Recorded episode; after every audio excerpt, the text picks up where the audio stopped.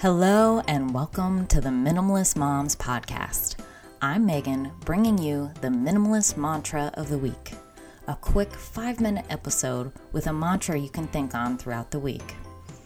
Me and my podcasting partner Diane are suburban moms trying to make room in our lives for what matters by getting rid of the clutter and living life with purpose.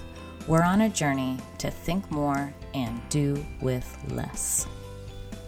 Today's mantra is You Do You.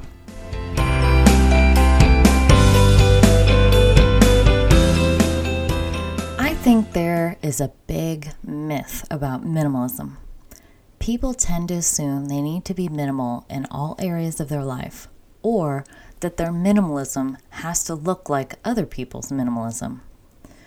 Let me assure you, there is no minimalism police. No one will search your house and ridicule you for having too many colors of nail polish or your children having too many toys.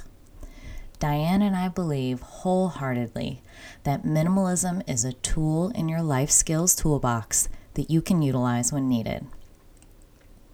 We've chosen to think of minimalism in two parts.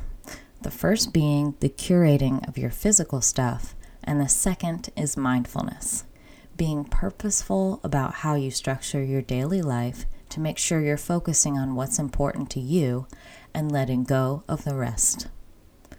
The worst thing we can do is force ourselves into minimalism for minimalism's sake. Let's say you love to bake. Don't make yourself miserable because you feel you should keep your pantry minimal. Don't limit yourself to a certain number of ingredients or abstain from buying that occasional exotic ingredient. It's one thing if you can't find anything in your baking cabinet and everything all but falls on top of you when you open the door. Then you may need to minimize somewhere else. Empty another cabinet to make room for this thing you're passionate about. Or maybe you're blowing through your grocery budget at the baking supply store every month you can minimize another item on your budget to give yourself a little more play money for baking. If it truly brings you joy and fulfillment, find a way to make it work.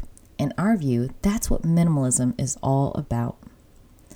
Another minimalism myth is that everything needs to be painted white and all your furniture needs to have clean lines. Oh, and all your children's toys should be wooden and unpainted. Sure, there is a design style labeled minimalism. However, it has very little to do with the practice of minimalism. Not one of the walls in my house is painted white. We have comfy, stuffed chairs, and I have shelves of unnecessary items on display. I don't think someone would walk into my house and say, You must be a minimalist. And that's okay. Those photos with the all white and sparse furniture feel sterile to me.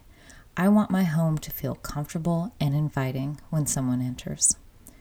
We're practicing minimalism our way. We're being us, so you do you.